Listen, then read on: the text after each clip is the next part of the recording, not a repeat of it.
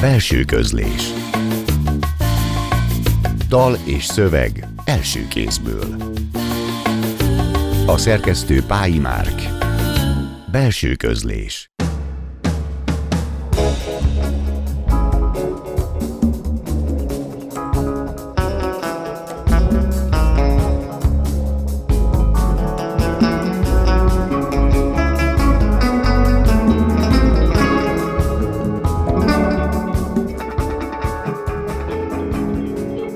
estét kívánok! A Klubrádió irodalmi műsorának mikrofonjánál a műsorvezető Szegő János köszönti Önöket.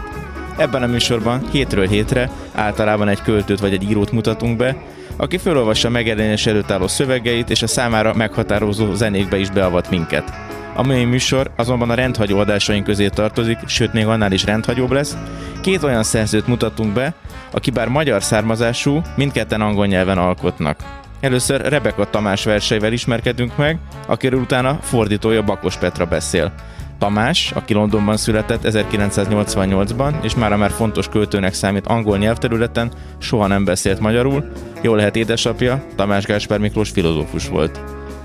Utána közel fél órában Zsuffa József egykori filmrendező, amerikai író visszaemlékezését hallgathatják meg életéről, magyarországi gyerekkoráról, disszidálásáról és alkotóvá válásáról az Egyesült Államokban.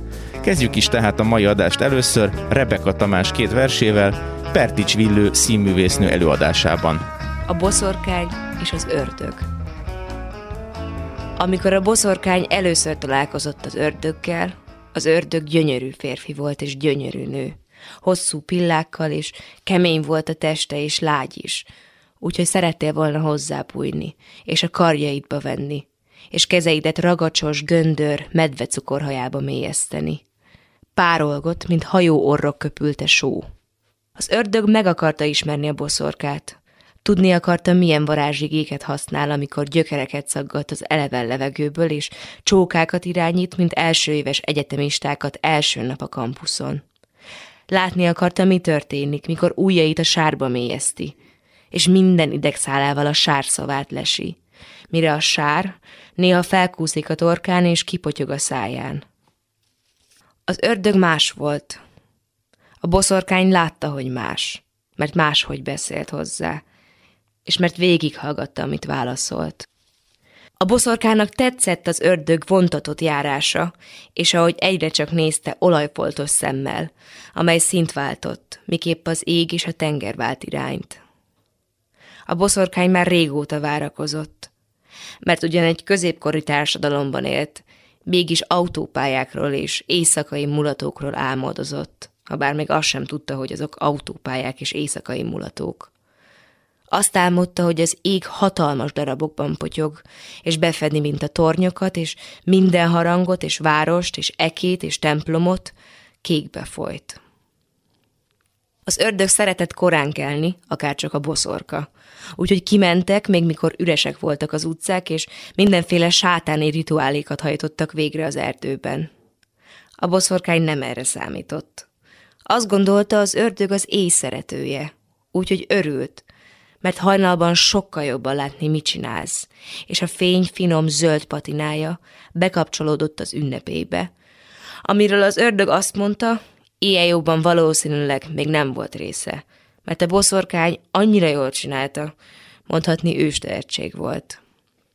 A boszorka sokat szexelt az ördöggel, és az ördögnek megvolt minden nemi szerve, amire csak vágyhatsz, úgyhogy a boszorkány a szájába vette a mellét, miközben az mélyen beléhatolt. És ugyan a boszorka mindig úgy gondolta, hogy elvileg kedveli a szexet, ha bár gyakorlatban kevésbé, most igazán élvezte gyakorlatban is, mivel nem kellett a szájára szorítani a kezét, vagy ilyesmi. Csak csinálta, amit csinált. És az ördög szerette beleilleszteni a nyelvét, és különböző állatalakokat ölteni a combjai között. Úgyhogy a boszorka nem csak azt érezte, hogy megkapja, amire vágyik, hanem azt érezte, hogy mindenki, mindenütt megkap mindent, amire vágyik.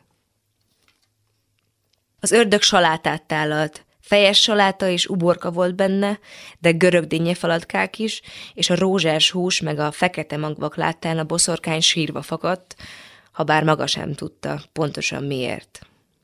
Valamiképp a lédús rózsaszín és a kemény fekete és a hűvös gyümölcshús a nyelvén, a kisé földes salátalevelekkel Krisztus feltámadását ábrázoló képeket idézett fel benne, amikor a szikla mögött töltött holt idő után előjön, és továbbra is halott, ugyanakkor mégis él, és különös fényben ragyog, mint egy északi nyár, mikor a nap sose nyugszik le, és előmosolyog a maga épp, mégis megsemmisült húsából, amely kapaszkodik a csontjain, miközben valaki friss, rózsaszín vért keringet benne. A boszorkány megmutatta az ördögnek, hogyan lehet pislogással beszélgetni, hogy senki se értse. És az ördög megpróbálta megmutatni a boszorkának, hogyan lehet láthatatlanná válni. De ez kemény dió volt. Ezt gyakorolnia kell majd még. Az ördögnek sok könyve volt az alsó neműs fiókjába zsúfolva vegyes dolgok.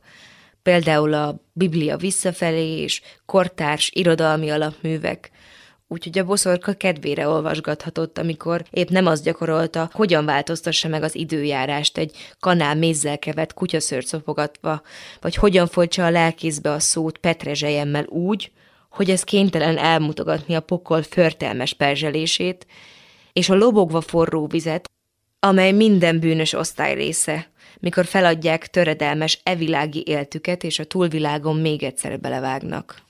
A boszorka sose gondolt arra, vajon mire gondolnak mások. Az autópályákra és az éjjeli mulatókra gondolt, és elképzelte, hogy elütik, vagy túladagolásban meghal. De azt is elképzelte, hogy krétává válik és elporlad. Elképzelte, hogy világra hoz egy falkányi békát és angolnát is, és ezt másoknak is elmesélte, úgyhogy őt sokkal kevésbé fenyegette a házasodás lehetősége, mint más lányokat, vagy nőket, vagy ifjakat. De most másféle-másféle dolgokra gondolt. Például kék cinke csapatok elővarázsolására, az izmai közti üregekből, és egy tágas, díszes épületre, amely telve ágyakkal. Úgyhogy a padlót nem is látod, csak a finom, sejem borította matracokat, ahol nők másznak pricsről pricsre, sugdolózva, gyertyákat gyújtva, és a lábuk sohasem ér a fűrészporba az áttetsző üvegtető alatt, amelyen ők kilátnak, de be senki sem lát. Az ördög nem nagyon szeretett Istenről beszélni a nézeteltérésük óta. A boszorkány abban sem volt biztos, hogy az ördög százszázalékosan hisz benne. Mégis hallani akarta, milyen Isten, első kézből. Ki akarta tisztogatni a hasadékot, amelyre sokat gondolt kiskorában, éjszakánként, amikor semmire sem gondolt, senkihez sem imádkozott. Csak nézte, hogy a függöny meglebben, majd az ablaknak csattan, lebben és csattan, úgyhogy az ördög leírt egy fagyott tájat, jégbércekkel és jégsápat eget karcoló havas magaslatokkal ahol a hatalmas torlódó hómezőket szélcsatornák cakkozzák, ormótlan fodrokba, és földrésznyi jéghegyek véreznek dermesztő vizet a jégpáncélra, amely annyira vastag, hogy egyetlen tudományos mérőeszköz sem képes a mélyére hatolni. És a levegő olyan hideg, hogy az arra repülő madarak dermetten aláhulnak. A bálnák megfagynak és szilánkokra hasadnak, ahogy a mozdulatlan tengerbe ütköznek.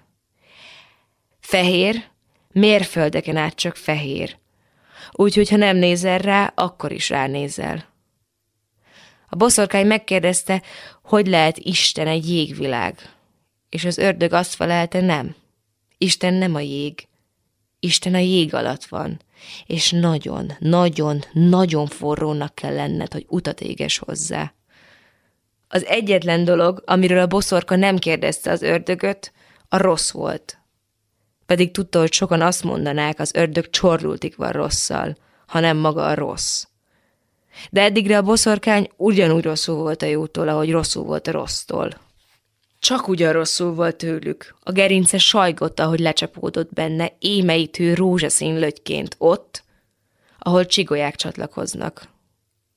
A boszorkány hatalmat akart, noha tudta, hogy az bajba fogja sodorni. A boszorkány csak csinálni akarta a dolgát, zavartalanul. A tűzre akarta dobni a söprűt, helyette egy repülőre vágyott, amivel a halkonzervfényű egekig repülhet, és feljebb, Egyre feljebb, tízezer méter magasra, és feljebb. Olyan magasra, ahol senki sem tud a bokádba csimpaszkodni, senki sem tud eltakarni, vagy lefotózni, a hátadra dönteni, vagy átejteni. Felhőtlen kékség, vacogó planéták, madárrajok, egész életében fölfelé nézett, úgyhogy mondhatni régóta és sokat gyakorolt peremeken állva, nyakát nyújtogatva. A földtől távoli helyeket képzelt és egy légi sétát, ami olyan, mint a jövő, mert már az ördög azt mondta, hogy gyilkossággal gyanúsították, amerre csak járt, noha sohasem ölt meg senkit, de nem erkölcsi okból, másokból, aminek az elemi életerőhöz és az évszakok erőhordalékához van köze. Azt mondta, ő nem férfi, és nem iszik tejet, mert nem az övé. És még ha ezer évig lenne vele valaki, nem értené meg akkor sem, mert nincs mit megérteni. Pontosabban a megértés nem ez. Az ördög azt mondta, hisz a személyes áldozatban, amelyhez nem kell oltár, sem különösebb ok. Ha bár a mártírok voltak a gyöngéi, azt mondta, inkább el kell döntened, kész vagy-e elpusztítani magad a szabadságért még ha pocsék lesz is, és talán még rosszabb, mint a nem szabadság. Még ha olyan igazán förtelmes dolgok is részét képezik, mint egy szorokkal teli tüdőlebeny, egy napsugártöredék, amely áttör a folyton zárt zsalugáteren, és csöndek nagyszabású gyűjteménye, amelyekben az a közös, hogy egyikre sem figyelt senki. Az ördög mindig együttérzően nézett a boszorkányra, és a boszorkány az ördögre, de amikor a szabadságról beszélt, fájdalmasan halk volt, mint azok, akiknek nincs árnyékuk. És a boszorkány azon töprengett, azért van-e így, mert ilyenkor az ő arca ilyen. Amikor a boszorka elköszönt az ördögtől, nem volt jelenet. Csak hosszan ölelték egymást, amíg a szájukból áramló levegő egyetlen légoszlopként lengett oda-vissza. Borzasztó, hogy nem tudunk szapatolni semmit, amit igazán akarunk gondolta a boszorkány, de azért egy tincsét az ördög csuklójára tekerte, az ördög pedig a fülébe súgott valamit, de nem szavakkal. Úgyhogy nem tudom lejegyezni, de olyan volt, mintha egy test úszna fűtengerben, melyet a hold hullámokban előre-hátra ringat, és a holdfény minden lökésére kék virágok pattannak ki a földből, és puha szájukat felfelé tartják, és a test tovasodródik fölöttük, oly éles fényben, hogy akár olvasni is lehetne mellette. Boszorkány Európa A boszorkány romantikus hajlamainak egyedüli célpontja a benzinkutas fiú. Ő kap virágokat és néha puszikat is, mert túl kicsi, hogy üldözze a boszorkát. A többiek azonnal üldözőbe vennék. A boszorka szeretné némelyiket maga alá gyűrni, és a melleiköz ringatni, vagy jól megboszni a szófán. A boszorkány szeretne elbeszélgetni a kedvenc irodalmi műfajairól. A boszorka szeretne csavarni egy cigarettát, és a szájukba tenni, és nézni, hogy a füst szürke szemük fölé száll. De nem ment el az összes józan esze. A benzinkutas fiú megnézi a tetkóját, és azt mondja, király.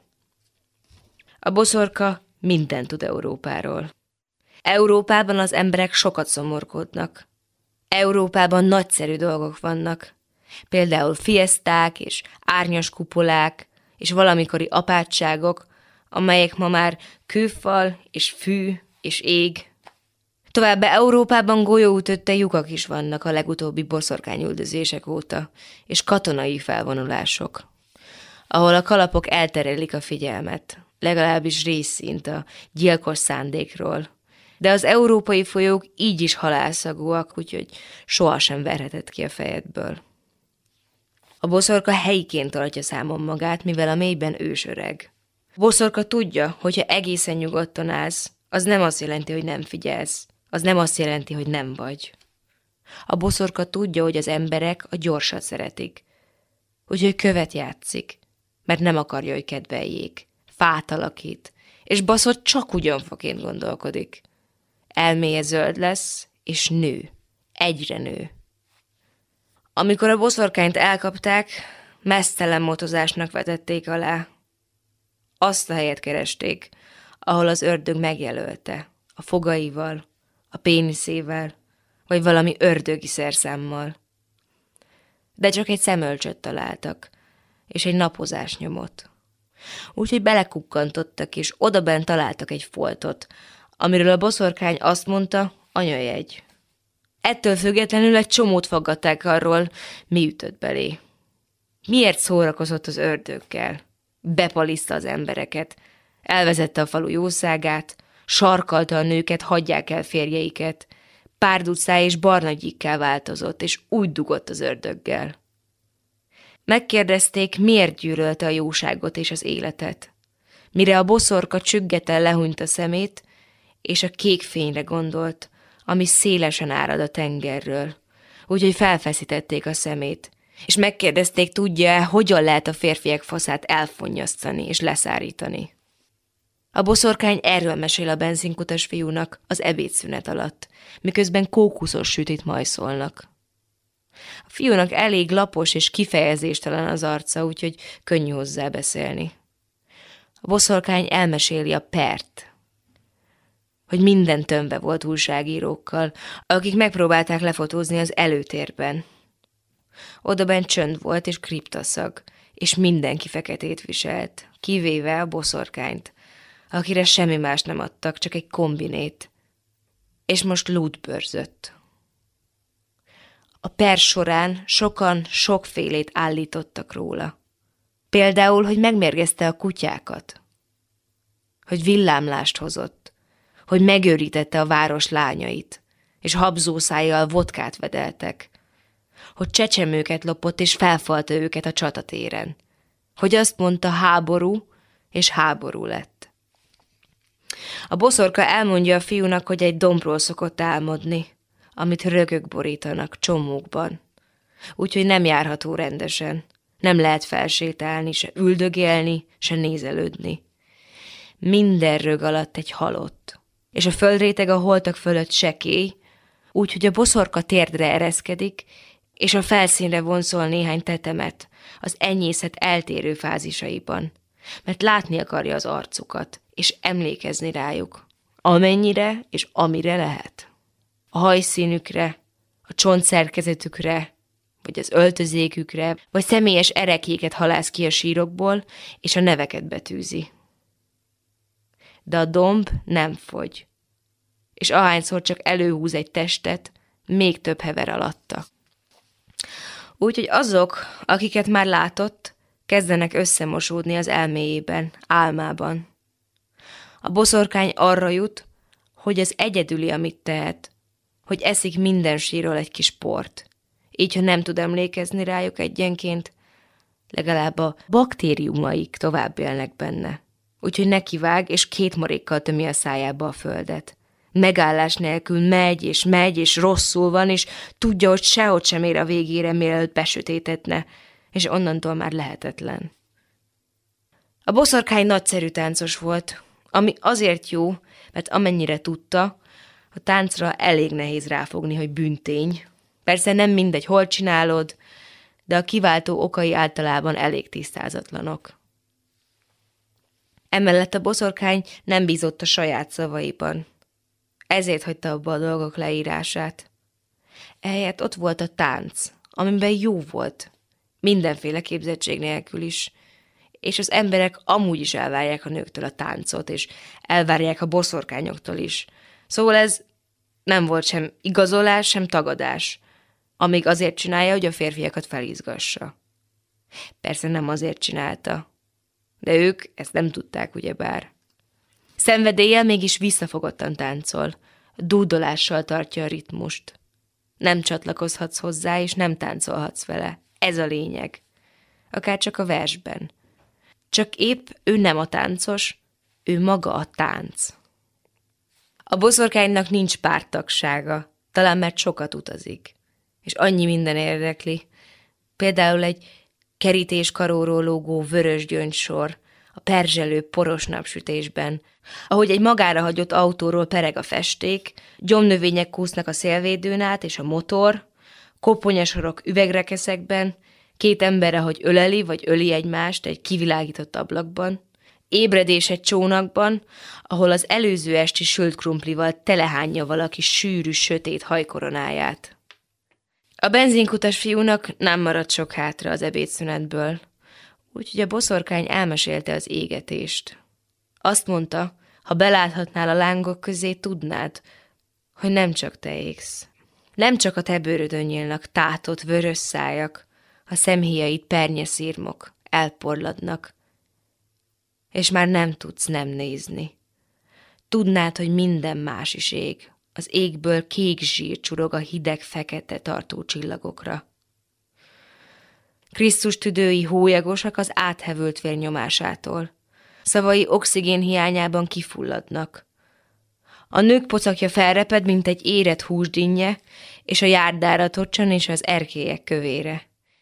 Egy apró, sötét gyűjtőpontot látnál, amint a bolygó közepében üres acéllá rándul össze.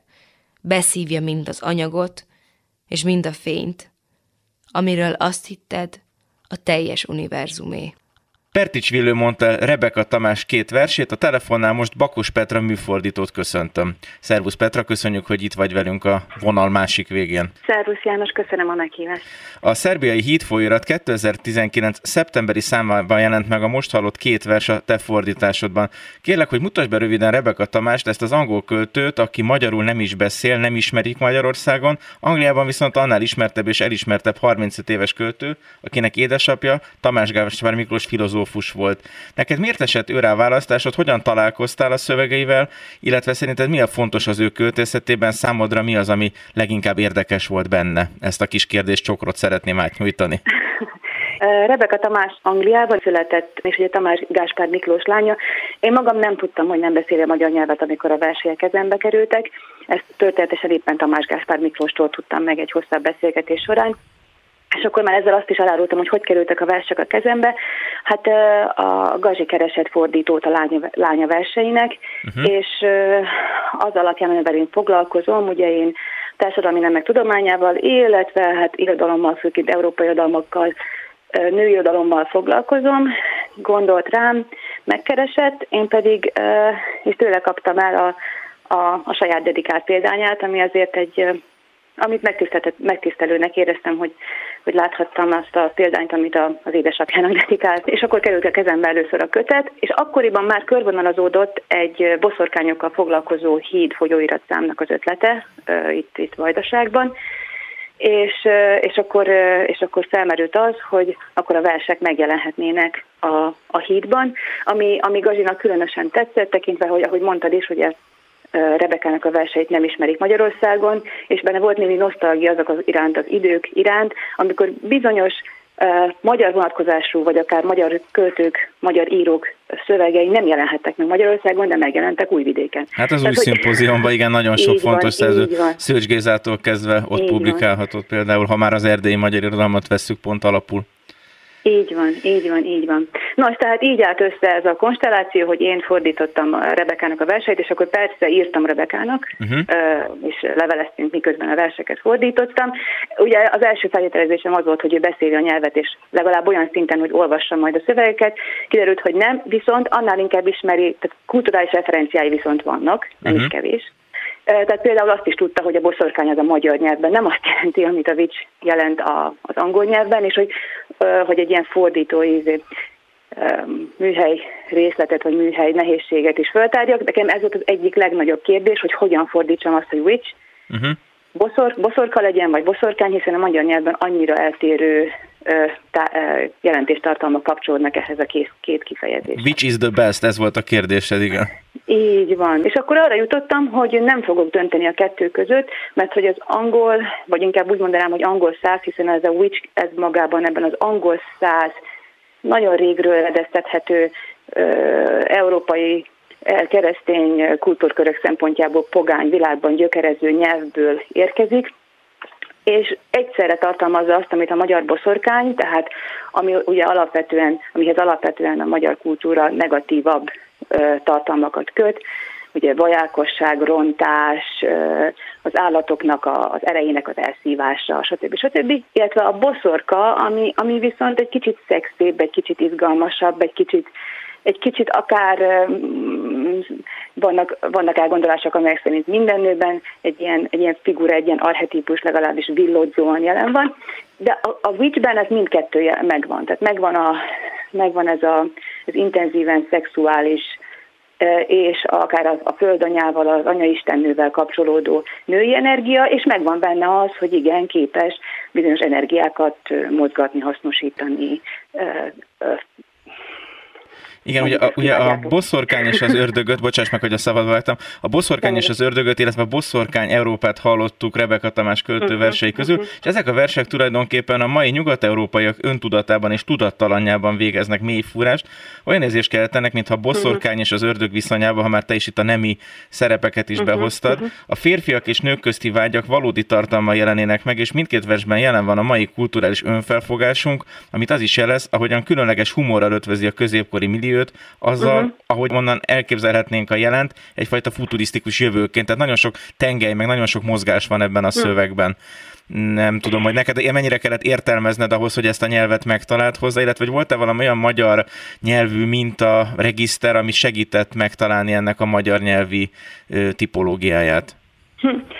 A magyar nyelvi mintán talán a, hát a boszorkánymesék voltak, uh-huh. mégpedig azért, mert én, én egy olyan közegből származom, ahol még a dédnagymamám testvérétől hallhattam olyan boszorkánymeséket, amiket ő úgy mesélt el, mint a faluban történt. Tehát, hogy nem, nem Igés izé Gyula gyűjtése, hanem, hogy úgy mesélte el, mintha valóságosan megestek volna ezek a történetek, könnyen lehet, hogy meg is estek, és gyerekként számomra ezek ö, nagy jelentőséggel bíró történetek voltak, mert ezek voltak az egyedül olyan történetek, amelyekben egy nőnek ereje volt, amit nem félt használni.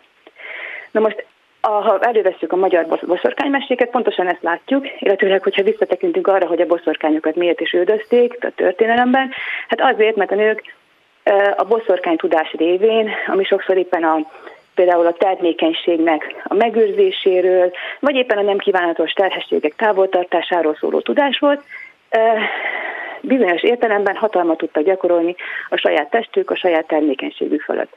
Tehát ezek a figurák, ezek a boszorkány figurák ezek nem a viktoriánus kor után meghonosodott nő típusot, nő típust szentesítik, hanem annak sok tekintetben az ellentétét.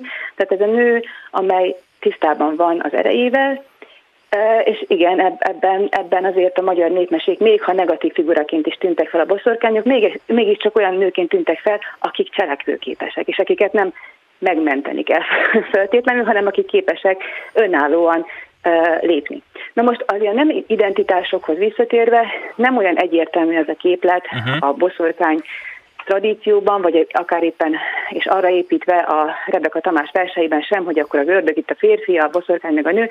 A boszorkány ugyanis egy férfi is lehet. Ezt fontos hangsúlyozni, hogy a Genderfluid a, a boszorkányság.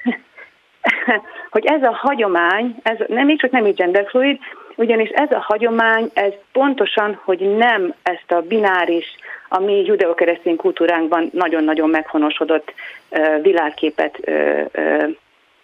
tartalmazza, amelyben ugye férfi van és nő, és jó és rossz, és ég és föld, és a többi, hanem egy olyan világképet, amelyben szervesen függnek össze mindezek a komponensek, és nincsenek sem hierarchikus kapcsolatban egy, egymással, sem pedig nem állnak egymással szemben.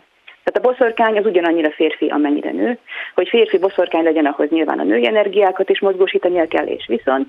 És ez nagyon-nagyon jelen van a, a Rebeka Tamás költészetében, hogy hogy ez a költészet, ahol amennyire csak a nyelv lehetővé teszi, igyekszik elkerülni, vagy amennyiben más úgy nem kínálkozik, akkor lebontani ezeket a szembenállásokat. Tehát, hogy ne ilyen dihotómiákban, meg ilyen rossz dialektikákban uh-huh, gondolkodjunk, uh-huh, hanem inkább uh-huh. az ismeretlen, és ne a kontra, hanem az idegen mintázatokat nézzük, vagy a radikálisabb. Így van, és inkább folyamatban, és inkább folyamatban, mint állandóban. Uh-huh. Te hogy látod az ő angol költészetbeli kontextusát, mennyire van erre rálátásod, illetve még a második pótkerék része a kérdésnek, hogy tervezel-e még a jövőben fordítani Rebeka Tamástól? Hát, az az igazság, hogy most, hogy újraolvastam ezeket a verseket, így a beszélgetésünk előtt rájöttem, hogy igen, én még szeretnék ebből fordítani. Uh-huh.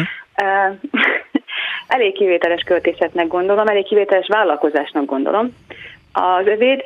Na most, hogy az ő helyzete az angol költészetben, ugye ő egyébként egy ilyen poéta doktus, tehát ő ugye egyetemi meg, ember. Egyetemi, egyetemi ember, és doktorált úgy tudom, hogy a kreatív írás módszertanából még hozzá, és éppen kreatív írás tanít a Yorki Egyetemen ebben a pillanatban, ahol egy ilyen, egy ilyen, egy ilyen költőszemináriumot is vezet.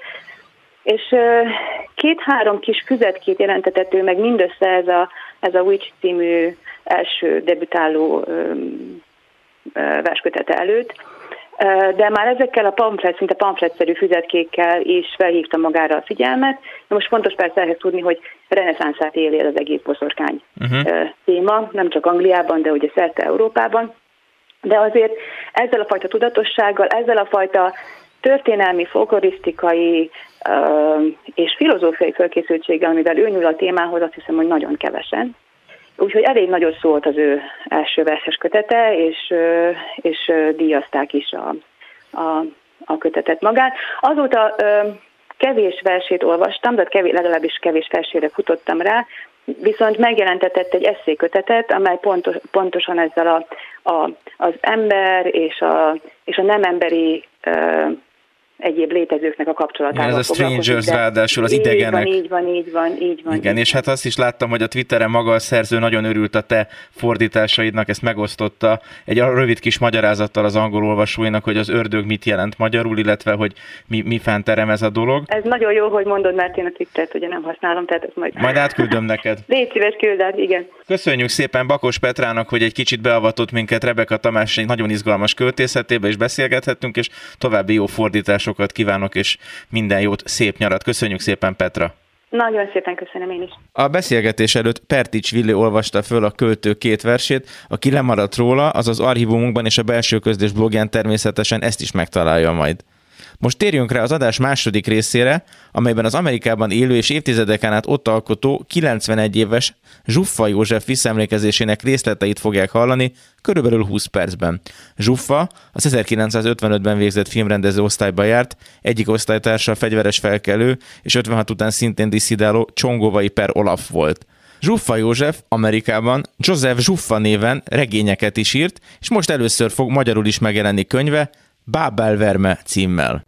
Gyerekkoromban nagyon szerettünk indiánosdit játszani, és egyik kedvenc könyvem volt James Coopernek az Utolsó Mohikán című könyve.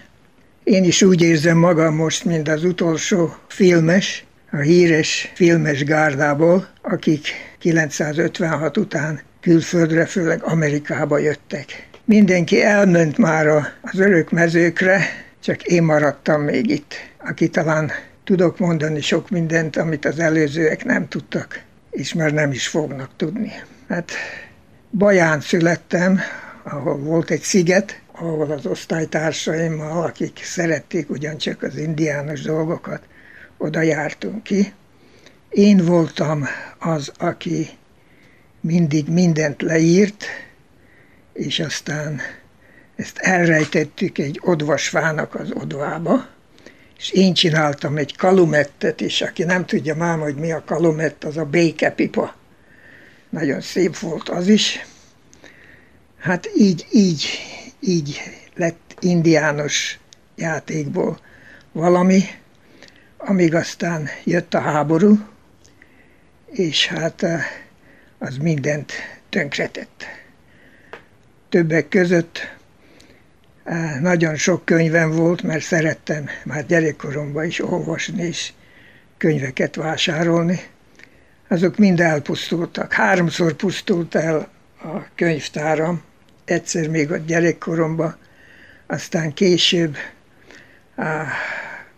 amikor nagyobb lettem az ostrom alatt 56-ba, és aztán megint csak később én a ciszterekhez jártam Baján, az volt a gimnázium, az elitiskola, aztán Budapesten a piaristákhoz, megint csak az volt a legjobb iskola. Aztán jött a kommunizmus, és hát azt mondták, hogy aki ott akar maradni a papokkal, az maradjon ott, aki nem akar ott maradni, az menjen át az ötves gimnáziumba az veszélyes dolog volt ott maradni a kommunizmus alatt annak idején a papi gimnáziumba, úgyhogy én egy neves barátommal együtt átmentünk az ötvös gimnáziumba.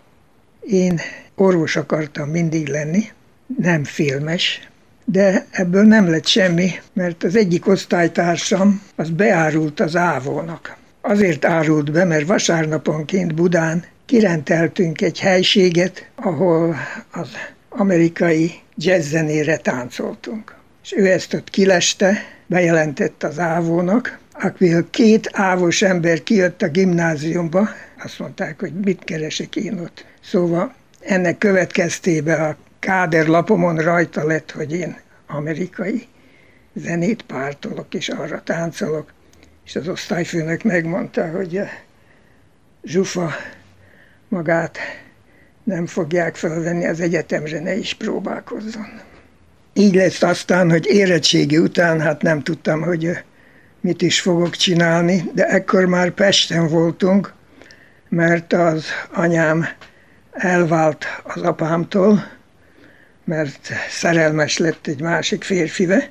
Végül is arra az elhatározásra jutottam, hogy megpróbálom ezt a filmművészeti főiskolát. Ott nagyon szigorú fölvételi vizsga volt, és nagyon sokan jelentkeztek.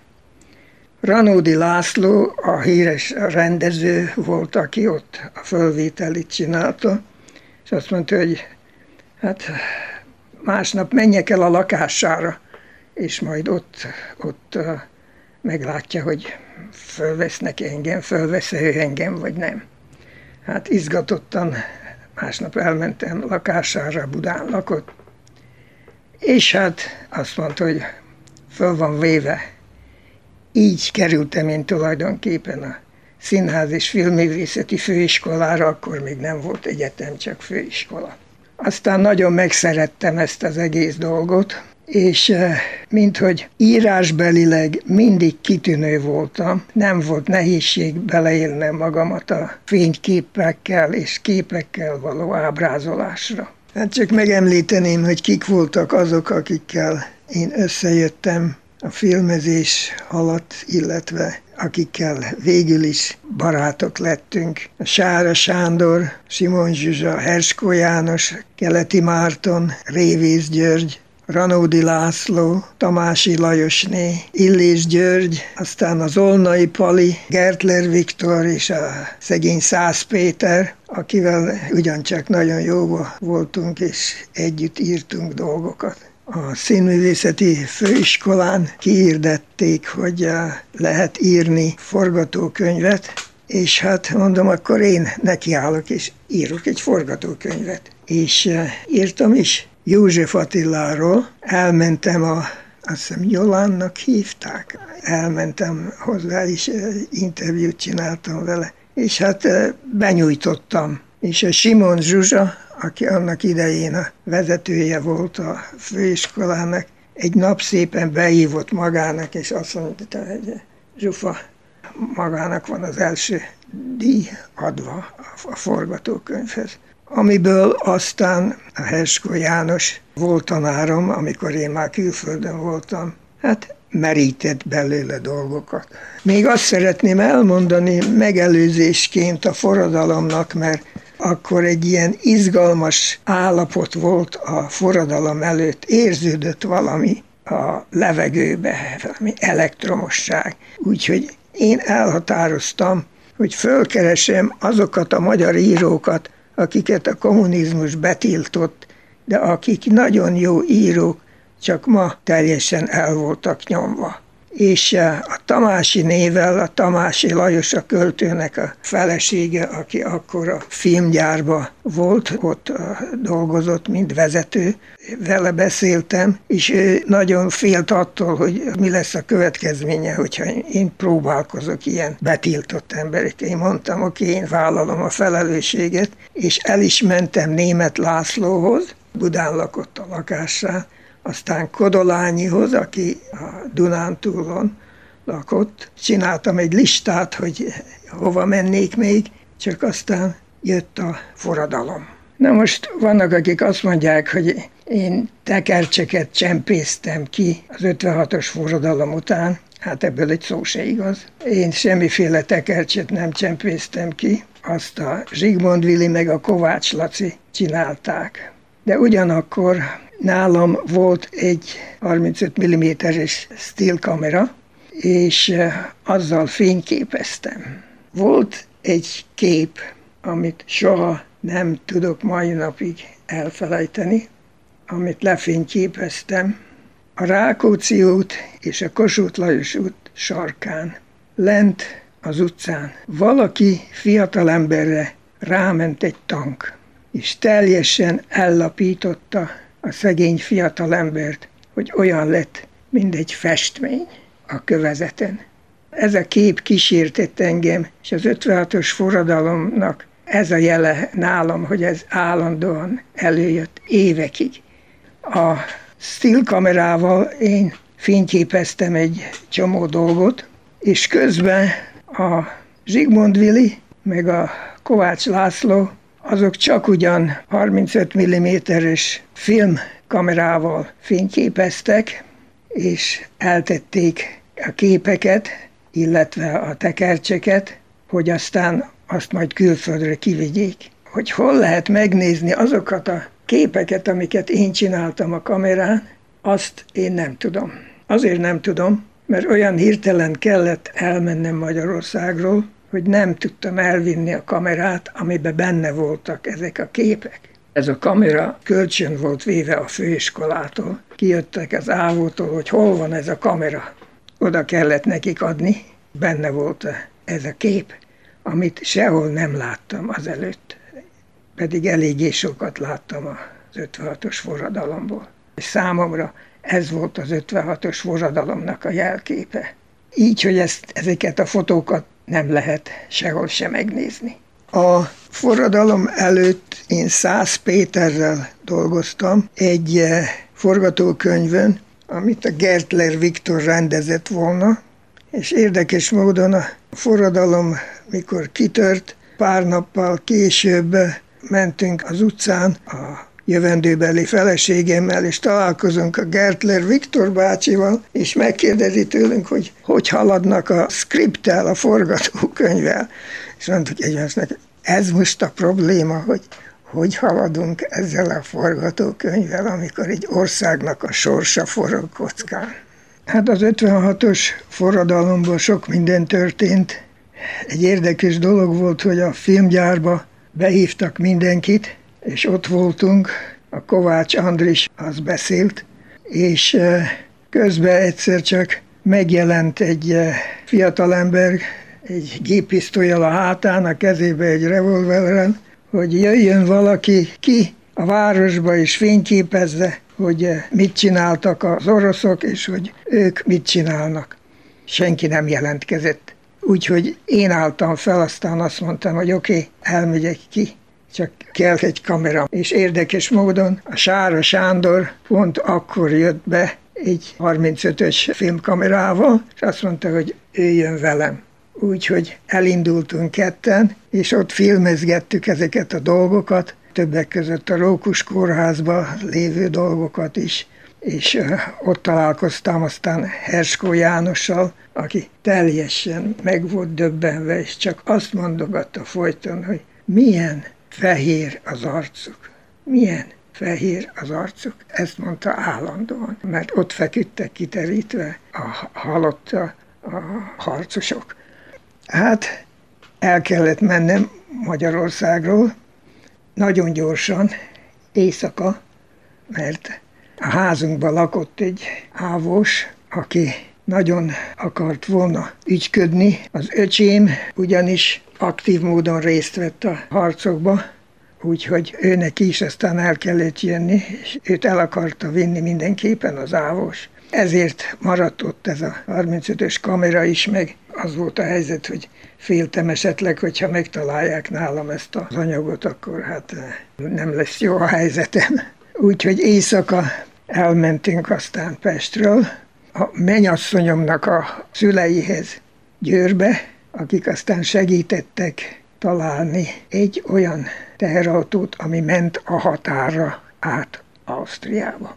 Ez se volt olyan egyszerű, mert elfogtak minket a határon túl az oroszok, fölötték a rakétákat, és elfogtak minket, úgyhogy oda kellett nekik adni mindenünket, a karórákat, ékszereket, amiket a nők vittek, de ők leginkább annak örültek, aki rumos üveget hozott rummal. Közben elkezdett esni az eső, vissza kellett jönnünk. Két nap múlva újra találtunk egy autót, még egyszer neki mentünk, hogy kimenjünk az országból, és akkor sikerült is, de az eső miatt olyan sáros volt az út, hogy a cipőmet leúzta a sár, úgyhogy praktikli mezitláb mentem át a határon Magyarországról. Amint Ausztriába kerültünk, még egyszer elfogtak minket. De ezek másfajta oroszok voltak, ezek csak elvitték azt az embert, aki a mi kalauzunk volt Magyarországról Ausztriába. Nagyon sajnáltuk, de hát nem tudtunk csinálni semmit se. Hát amikor Ausztriába kerültünk, nagy megkönnyebbülés volt, ott várt minket a meleg kakaó, de mindenki olyan fáradt volt, én különösen, hogy csak praktikli összeesett az ember, és egy ilyen iskola-szerű helyen voltunk, hogy lefeküdt a földre, és elaludtunk. Így kerültünk mi külföldre. Egy vagy két hét után én találtam egy feliratot abban az iskolában, ahol minket beszállásoltak. Ott aludtunk az iskolának a tornatermébe, és ott volt egy hirdető tábla, ahol egy svájci intézet eh, keresett fiatal, intellektuális embereket a menekültek között. És el is mentem, és kiderült, hogy ilyen filmes fiatalokat keresnek. Aztán ők elküldtek engem a Rockefeller Foundation-nek a kiküldöttjéhez egy ajánló levéllel, miután egy eh, találkozónk volt ezzel a hölgyel, aki ott képviselte ezt az intézetet. És aztán azt mondták, hogy nem sokára megyünk Amerikába. Így is volt, egy katonai repülőgéppel mentünk, és eh, egy Camp Kilmer nevű helyen tették össze az összes magyarokat Amerikába. Jávor Pál fogadta például az embereket ott. Ott voltunk megint pár napig, ott megesküdtünk férj-feleségként, és aztán azt mondták, most hát akkor mindenki mehet, ahova akar. Nem volt könnyű az élet. A Zsigmond Vili például ilyen parkokba leveleket, meg szemetet szedett össze, engem meg elküldtek eh, ilyen bolynak, fiúnak, aki leveleket eh, visz. Nem sokáig tartottam ezt az állást, mert az út közben lévő könyvesboltokba én mindig bementem, ahol jó néhány időt eltöltöttem, mielőtt kikézbesítettem a leveleket. Úgyhogy eh, mire kikézbesítettem a hivatalos papírokat, addigra már elég késő volt. A Vili is ott hagyta a munkáját, én is ott hagytam ezt a dolgot, és ami a fő dolog volt, hogy az ember jó megtanuljon angolul. Úgyhogy a Kolumbia Egyetemen volt a magyaroknak egy ilyen tanfolyama, amit ott egy kitűnő amerikai tanár tartott, hogy milyen volt az élet Amerikában, a kiérkezés után, hát olyan volt az élet, amilyen azoknak van, akik az országokat ott hagyták és elmenekültek egy teljesen más országba hozzá kellett mindenhez szokni, mert Amerika az külön világ, teljesen más, nem csak mint Magyarország, hanem teljesen más, mint egész Európa. Aztán belejött az ember. A dokumentumfilmeket kezdtem aztán csinálni, mert abba nagyobb esély volt ahhoz, hogy az, az, az, az ember ebbe a filmes társaságba kerüljön és aztán sikerültek is ezek a filmek, ezek tanító filmek is voltak. Ebbe én nagyon jól bele dolgoztam magam. Különösen specializáltam magam az oktatófilmekre, és ezekből is a kábítószerek ellenes filmeket csináltam, amiből egész Amerikába tekintélyem lett, és szerte a világba a filmjeimet adták, és sok díjat nyertem többek között két uh, arancsas Golden Eagle díjat, ami a úgynevezett non-theatrical filmek, azaz, amiket nem mutatnak a nagy mozikba, azok a filmek között az Oscarnak felel meg. Ezt egészen 70-es éveimig csináltam, aztán a feleségem megbetegedett, és többé nem tudtam csinálni ezeket a filmeket. Mindig el voltam foglalva, én sose volt nekem olyan idő, hogy ne tudjak írni, vagy ne tudjak csinálni valamit, ezért tudtam 5-6 könyvet írni írtam színdarabot is, és, so, sok mindent. A Balázs Béla életrajzom az egyedülálló, ilyen kiterjedt eh, egykötetes életrajzot a magyar művészről még soha nem írtak, és eh, annak ellenére, hogy eh, sok idő ment rá, sok kutatás és utazás Magyarországra is el kellett jönnöm kicsit kutatni, de megért mindent. Persze, mondanom se kell, hogy Magyarországon nem igen tudnak a könyvről. A Bábel verme.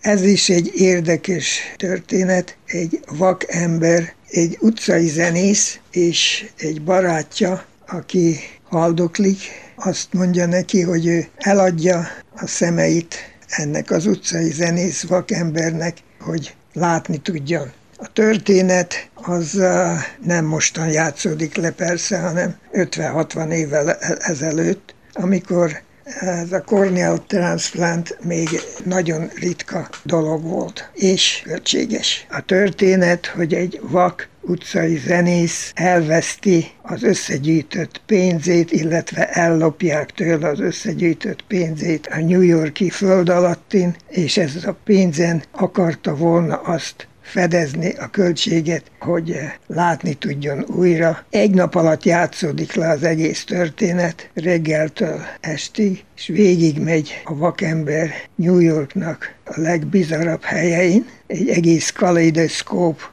különféle karaktereknek, helyeknek és eseményeknek jelenik meg. Ez egy eh, kicsit groteszk történet, de ugyanakkor eh, költői is. Hát szóval ez a vakember, aki látást keres, és ez a látás nem csak fizikai látás, hanem lelki látás is. A könyvnek a, az ötlete nekem már nagyon régen megvolt. A családomban egyik nagybátyám egy vakember volt, akit nagyon szerettem. A könyvet kiadták a spanyolul, aztán Svédországban a svédekné. A kínaiak ellopták a szokásuk szerint.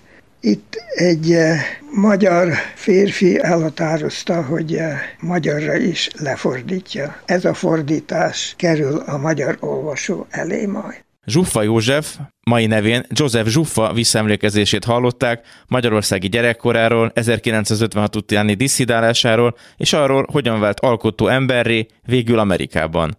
A mai adásban magyar származású, külföldi nyelven alkotó szerzőket mutattunk be, a műsor első felében Bakos Petra műfordító beszélt Rebecca Tamás angol költőről, aki abban különbözik Zsuffa Józseftől, hogy már eleve Londonban született, és magyarul soha nem tanult meg, bár az édesapja Tamás Gáspár Miklós filozófus volt, és Rebecca Tamás Angliában már igen jelentős költőnek számít 35 éves korára.